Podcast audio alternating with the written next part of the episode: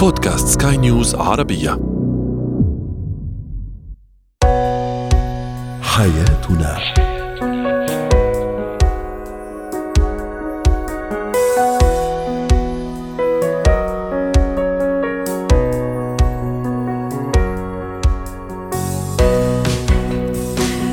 الكرام أهلا بكم معنا إلى حياتنا فضاؤكم اليومي الذي يعنى بشؤون الأسرة وباقي الشؤون الحياتية الأخرى والذي يمكنكم الاستماع إليها عبر منصة سكاي نيوز عربيه dot com slash بودكاست وباقي منصات سكاي نيوز العربية الأخرى شاركونا عبر رقم الواتساب 00971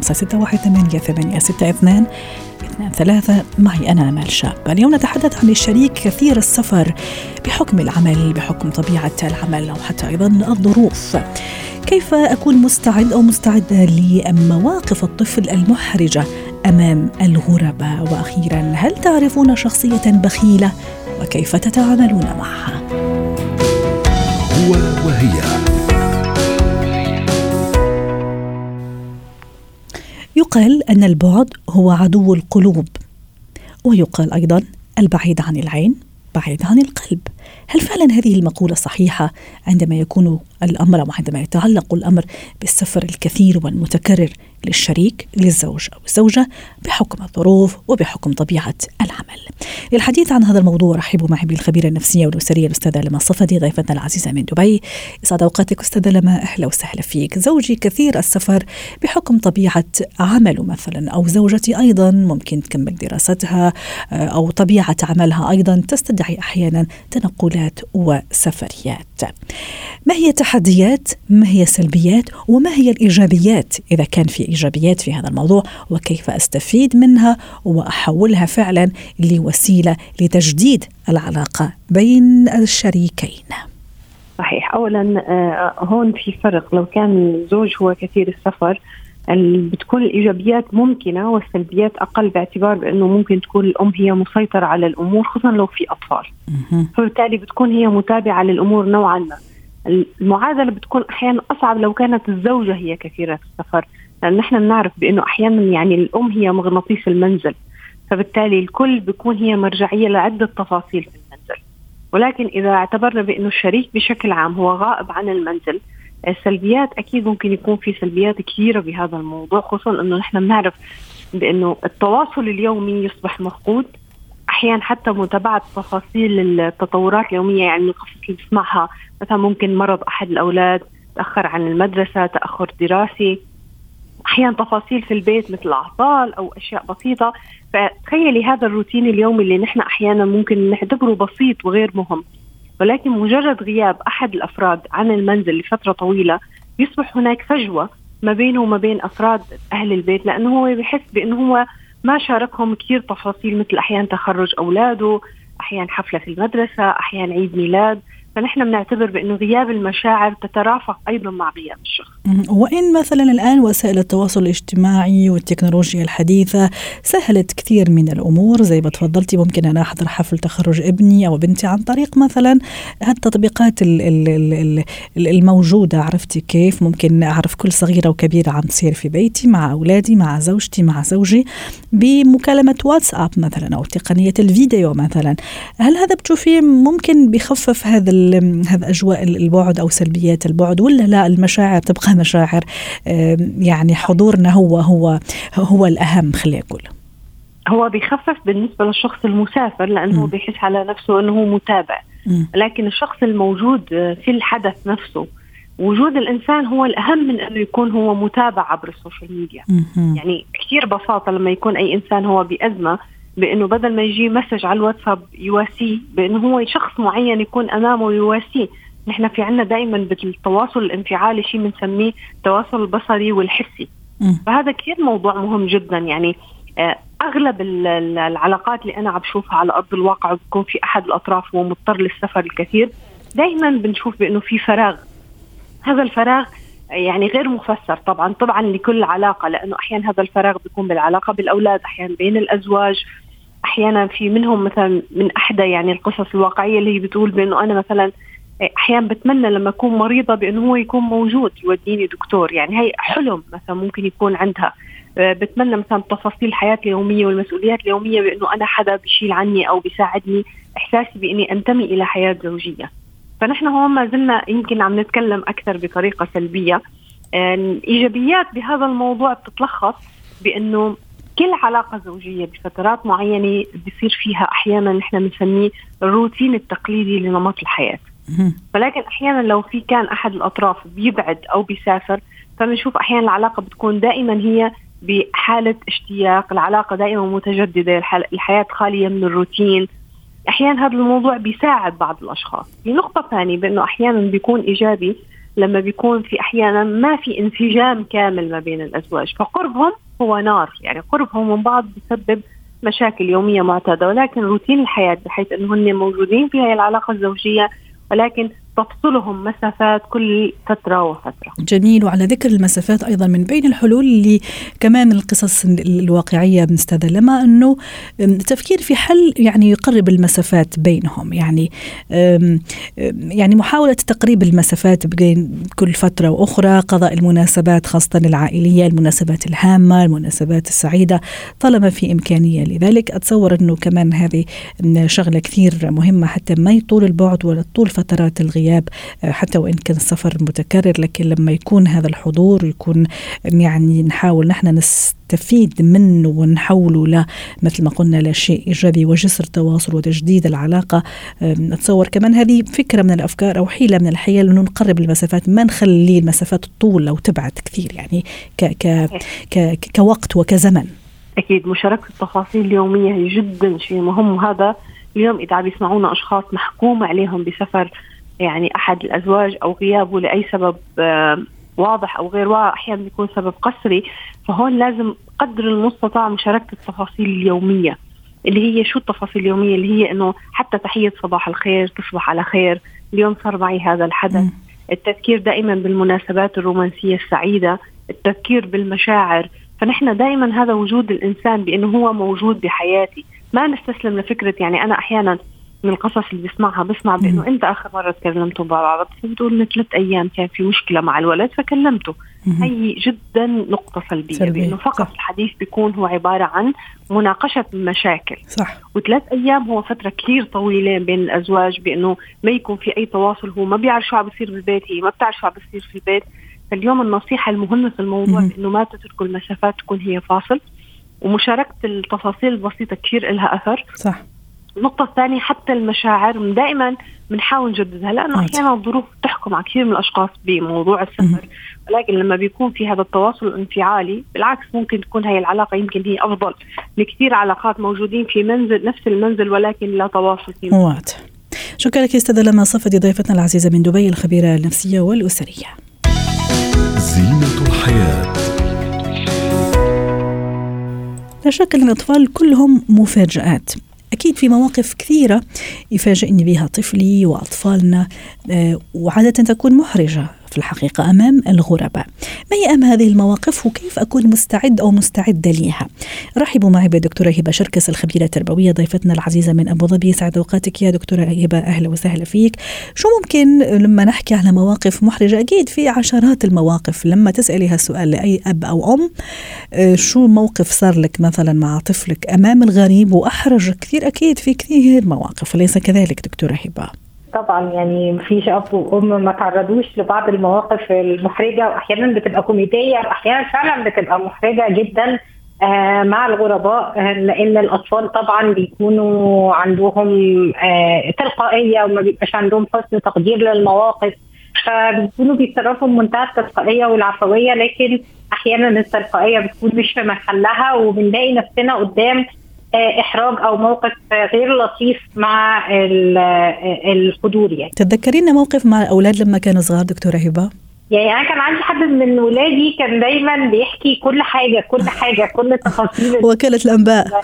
أو وكالة الأنباء. فطبعا لما إحنا بنبقى عارفين صفة معينة موجودة مع أولادنا فبنحاول إن إحنا ندربهم عليها. يعني جميل. إيه المهارة اللي ناقصهم أو المعلومة اللي ناقصاهم. فأنا كنت شايفة إن المعلومة اللي ناقصة آه، بنتي إن هي مش عارفة الحدود بتاعه الخصوصية.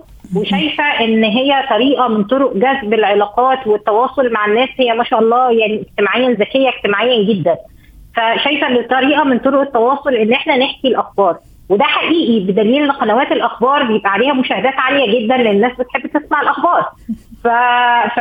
فأنا كلمتها إن دي يعني ملحوظه ذكية جدا منها وإن هي قادرة تفهم إن الناس بيجذبها إن هي تسمع الأخبار لكن مش كل الأخبار من حقنا إن إحنا نذاعها وإن في حاجات خاصة. وكنا بنرسم دوائر خصوصية آه، وأقول لها إن هنا مثلا المكان ده منطقة خاصة بيكي أنا ما ينفعش أحكي عنها دي منطقة خاصة بالبيت ما ينفعش أي حد مننا يحكي عنها. ودي أخبار عامة ممكن أي حد يعرفها.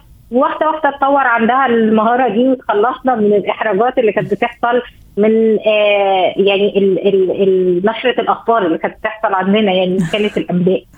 طيب أستاذة هبة أنا لما أطلع مع طفلي مع بنتي لمكان وفي غرباء آه، كيف أكون مستعدة لأي موقف؟ وكيف لازم يكون رد فعلي وتصرفي مع ابني؟ وأمام هذا الشخص الغريب أو مع هالمجموعة اللي عم ألتقي فيها ممكن لأول مرة وحتى كمان مع الأصدقاء والعائلة الكبيرة مثلا أكيد في مواقف كثيرة. كيف أكون مستعدة أو مستعدة استعد كأب أيضا لهذا المواقف. وكيف أتصرف؟ أهم شيء. هو أهم حاجة إن إحنا لازم نعرف إن الأطفال بيتصرفوا بتلقائية وإن هم ما بيتعمدوش يحطونا في المواقف المحرجة دي فما فيش داعي للعقاب. الموضوع مش أو التوبيخ أحيانا دكتورة أمام أمام الملأ. فعلا أمام الملأ. أو إن إحنا أصلا نحس بإحراج مبالغ فيه أو نعظم من مشاعرنا أو نكبر الموقف بسوء آه، تصرفنا أو برد فعل غير آه، مسؤول صح. فالفكرة إن أتوقع إن أنا معايا أطفال فطبيعي إن يحصل منهم بعض المواقف المحرجة زي إفشاء الأسرار زي إن هم يشبط في حاجة ويتشبث فيها. لأنه ممكن آه، كل تفكيرنا كمان منصب. سامحيني دكتورة هبة إنه ممكن الناس تاخذ فكره مش كويسة عني إني ما أحسن تربية ابني أو ما أحسن تربية بنتي ما أعطيتها التعليمات. ممكن كمان هذا هاجس. الشخص يعني يرافقنا كآباء وأمهات فمشان هيك ممكن ال ال يعني ال الإحراج آه أو هذا رد الفعل المبالغ فيها مني كآب أو أم تكون شوية اوفر يعني. صحيح بس م. هو إحنا مش بنربي أولادنا من أجل استحسان آه 100% أنا معك. المجتمع. فإحنا بنربي أبنائنا بس ده على فكرة ده حاجة بتبقى موجودة نفسيا عندنا عندنا برضو إن إحنا بنحب تطلع صورتنا كويسة قدام الناس. بس مهم إن أنا أعدل المفهوم ده والفكرة والمعتقد ده في دماغي إن أنا صورتي كويسة حتى لو ابني غلط وابني أساسا إنسان كويس حتى لو أخطأ. لأن كل الناس اللي موجودين دول هم نفسهم أخطأوا لو عندهم أبناء طيب. أكيد أبنائهم بيكونوا مخطئين. طيب خلينا نلخص في نقاط. دكتورة هبة حضرتك تكلمتي إنه كثير مهم وكثير ضروري ما أوبخ طفلي أمام الآخرين ويستحسن إني أنتظر لأرجع للبيت وكمان لما احكيه احكيه بطريقة لائقة يعني تحترم إنسانيته وتحترم كرامته يعني من غير توبيخ ولا إني أنهر أليس كذلك. في كمان نقاط أخرى تنصحينا فيها حتى أكون مستعدة أو مستعدة لهذه المواقف المحرجة؟ هو طبعا إن إحنا يبقى عندنا ثبات انفعالي إن إحنا نحاول قدر المستطاع إن إحنا نحتوي الموقف بخفة ظل بدون إنزعاج مبالغ فيه معلش يا جماعة أنتوا عارفين الأطفال اللي بيتصرفوا بشكل تلقائي مش كل اللي بيقولوه بيبقى أكيد حقيقي. آه، بنتي مثلا عندها ذكاء اجتماعي عالي فعشان كده بتحب تحكي كل حاجة. أنا إن شاء الله لما أرجع البيت هبقى أعرفها حدود الحكي مثلا. فالذكاء وسرعة البديهة وعدم يعني التورط في في الانفعال وفي العصبية. ده بيخلي الموقف يمر مرور الكرام. إن الناس ممكن تكون ما خدتش بالها من الطفل عمله بس خدوا بالها من رده فعل الأب والأم. 100% آه، عادة لما بننفعل زيادة عن اللزوم بنخلي الناس تركز معانا أكتر وبنخلي الموقف يبقى أصعب ويبقى آه يعني آه أكتر تعقيدا. آه كمان إن أنا ممكن لو لو مثلا الموقف اللي عملته بنتي وأحرج الآخرين ممكن يكون فيه إساءة لحد فأنا ممكن آخد بنتي على جنب وأطلع بيها من المكان وأتكلم معاها وأطلب منها إن هي مثلا تعتذر للشخص اللي هي أساءت له لو كان الموقف المحرج فيه إساءة آه لأحد الأشخاص أو آه بعد ما نمشي من المكان برضو أعرفها إن في إساءة حصلت لحد لو كان حد كبير أو صغير وممكن نجيب هدية بسيطة ونرجع نعاود زيارة هذا الشخص ونعتذر منه لو كان الموقف المحرج فيه إساءة لأن آه، لما أولادي يحطوني في موقف محرج يبقى ناقصهم مهارات أو معارف فيبقى أنا لازم أدور إيه المهارة اللي كانت ناقصاهم أو إيه المعلومة اللي كانت ناقصاهم وأمدهم بيها وأدعمهم علشان ما يتكررش مثل هذه المواقف من غير تعنيف ومن غير آه ضغوطات نفسيه وإن أنا أبقى نعم. متوقعة طالما أنا مع أطفال إن طبيعي إن يحصل حاجة زي كده يبقى أنا صدري رحب علشان الموضوع يعدي بسلام. صح.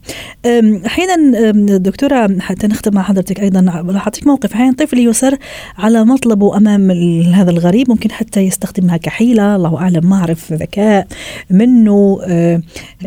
ويبلش مثلا يصرخ حتى يجبرني على أني ألبي له يعني الشيء اللي بده إياه. كيف يكون تصرف؟ أكيد راح يحرجني أمام الناس. ممكن نوبة صراخ ممكن نوبة بكاء وغرباء وحتى ناس يعني ما أنا ما أعرفهم ممكن حتى أعرفهم. كيف التصرف. يعني هو إحنا لازم نبقى عندنا حاجتين. أول حاجة لازم نتوقع سلوكيات ولادنا يعني إحنا كل أنا أنا كنت عارفة إن بنتي ممكن تحكي أي حاجة قدام الغرباء. فبقى عارفة إن ابني ده عنيف يعني المعرفة بشخصية طفلي هذا راح يسهل علي كثير أمور. هذا اللي قصدك. هيخليني أعمل معاه اتفاق مسبق قبل ما أخرج مع الناس. عم آه رقم اثنين ساعة الموقف نفسه لازم أكون آه بسيطة وسهلة وممكن حتى البي طلب الطفل لحين إن أنا أختار وقت مناسب للتربية واضح. لأن قدام الناس ده مش وقت مناسب للتربية ده بس إحنا بنبقى عايزين نمرر الموقف وبعد كده نجربي ولادنا براحتنا في متسع من الوقت ومش قدام الناس. جميل، شكرا لك دكتورة هبة شركة سعدتينا خبيره تربويه ضيفتنا العزيزة من أبو ظبي وأتمنى لك أوقات سعيدة. مهارات الحياة نتعامل في حياتنا اليومية مع أشخاص مختلفين في صفاتهم وسلوكياتهم وشخصياتهم أيضا. اليوم نتحدث عن البخيل. هل تعرف شخص بخيل في حياتك؟ صديق صديقة زميل زميلة أحد الأقارب. كيف تتصرف مع هذا الشخص البخيل. رحبوا معي بدكتورة سلوى عفيفي خبيرة الإتيكيت والبروتوكول دولية ومدربة مهارة حياة ضيفتنا العزيزة يسعد أوقاتك دكتورة سلوى أهلا وسهلا فيك الشخص البخيل. هذه الصفة المش جميلة أبدا مش لطيفة أبدا لكن أحيانا نقابل أشخاص فعلا بخلاء. كيف أتعامل مع هذا الشخصية البخيلة حين أنا أنحرج من بخله على فكرة. هو الموضوع مهم جدا حوالينا أكيد في ناس وربما يمكن إحنا فينا جزء من البخل ولا ندري. وهذه يعني صفة لابد أن نعرف بداية إنه طبعا أكيد مثل ما ذكرت هي صفة ذميمة يمكن حتى ذمها الله سبحانه وتعالى في كتبه السماوية لأنه أكيد هي ليها عواقب سلبية. لذا لابد أن نعرف ما هو البخل وأنواعه أسبابه النفسية ودوافعه وآثاره السلبية أيضا والتعامل معه كيفية التعامل معه ونعطي بعض النصائح في النهاية. البخل هو حبس أو إمساك عن الإفراط أو مثلا الصرف سواء في المال أو في الممتلكات أو المنع أو حب كنز المال أو جمعه عدم الإنفاق يعني. أنواعه ممكن يكون الشخص بخيل مع الناس وكريم مع نفسه. أسرته مثلا أو العكس ممكن يكون بخيل مع أسرته أيضا. ممكن يكون بخيل ماديا أو بخيل معنويا حتى في الكلام والمشاعر. يعني وممكن كمان تصل إلى درجة الشح إنه يتمنى زوال النعمة أو يعني ما في يد غيره أو النعمه الأخرى أو حتى يمكن يمنع الحقوق عن الآخرين. وهنا. تأتي الخطورة. دوافع هذه الخصلة أو العادة أو الطبع. هل هو كسل مثلا إنه الإنسان لا يريد أن يبذل جهد وبالتالي يريد كنز المال حتى يشعر بالاطمئنان؟ ربما. ممكن يكون أنانية أنه اعتاد على الأنانية. ممكن أنه يعتقد أنه الموارد غير كافية وأنه الصرف ينقص من هذه الموارد. عدم شعور بالأمان؟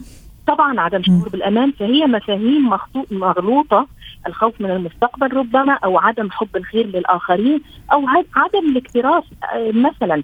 أو ربما خلينا نلتمس أيضا الجانب الإيجابي أو حسن النية. ربما يكون أنا لدي أولويات أكثر أو يمكن الإيد تكون مغلولة مثلا. فلا بد أن يعني نفهم ما هي طبيعة هذا البخل أو هذا التصرف هل هو فقط حرص أم غيره؟ آثاره السلبية أيضا أريد أن أتحدث عليها قبل أن بس باختصار لأنه حتى نعرف كيف التعامل مع هذا الشخص. طبعا مم. بس مجرد إنه نقول إنه هي فعلا صفة مذمومة وتخلي الشخص وحيد ويمكن غير سعيد ومنطوي ويمكن هو لو احتاج إلى الناس لا يجد من يعونه. تخلي الناس كمان تهرب منه دكتورة سلوى. طبعا وممكن حتى الكلام عليه إنه فلان سين وصاد من أشخاص ترى هذا بخيل لا تقترب منه. ممكن لا تعطيه فلوس أو ممكن حتى لا تطلع معه في عزايم لأنه في النهاية راح أنت راح تدفع الفاتورة مثلا.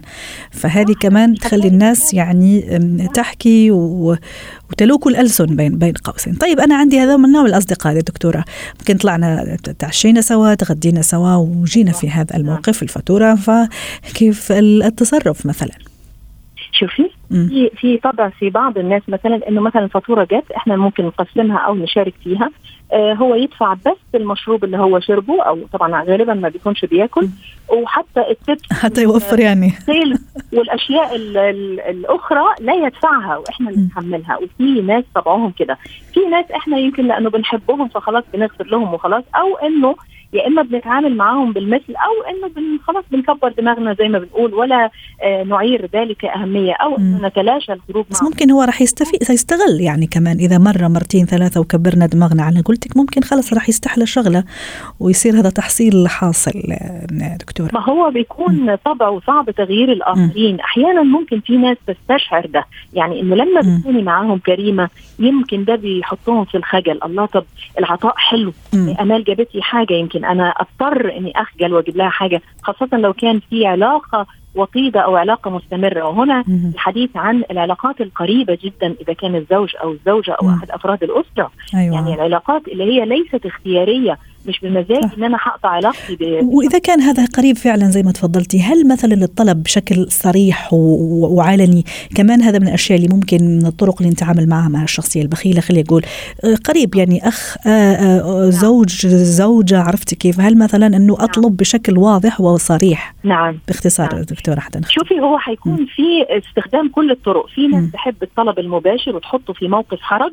ولكن أنا عن تجربة بقول لك إنه هذه الطريقة تستفزه لأنه انت بتضربي له على الوتر وبتدوسي. على ال red buttons يعني الأزرار الحمراء عنده أو الخطوط الحمراء فهذا يثير غضبه تماما بالعكس خلينا نتبع الطريقة اللينة. إنه نكون يعني لا نحرجه. ربما عنده مرض نفسي ربما عنده مم. سبب عموما يعني فنكون حريصين معاه نشعره بإنه إحنا كمان. بنخاف على ماله. وبنشترك معاه نعم. فيا ريت نحسس الناس حتى أولادنا من منذ الصغر بقيمه العطاء صح. وخزائن الله ملآنة على فكرة. صح. يعني العطاء لن يقدم ونعم بالله. آه، من من النعمة صح. أو من الخير. شكرا لك يا دكتورة سلوى عفيفي مدربه مهاره حياة ضيفتنا العزيزة من القاهرة.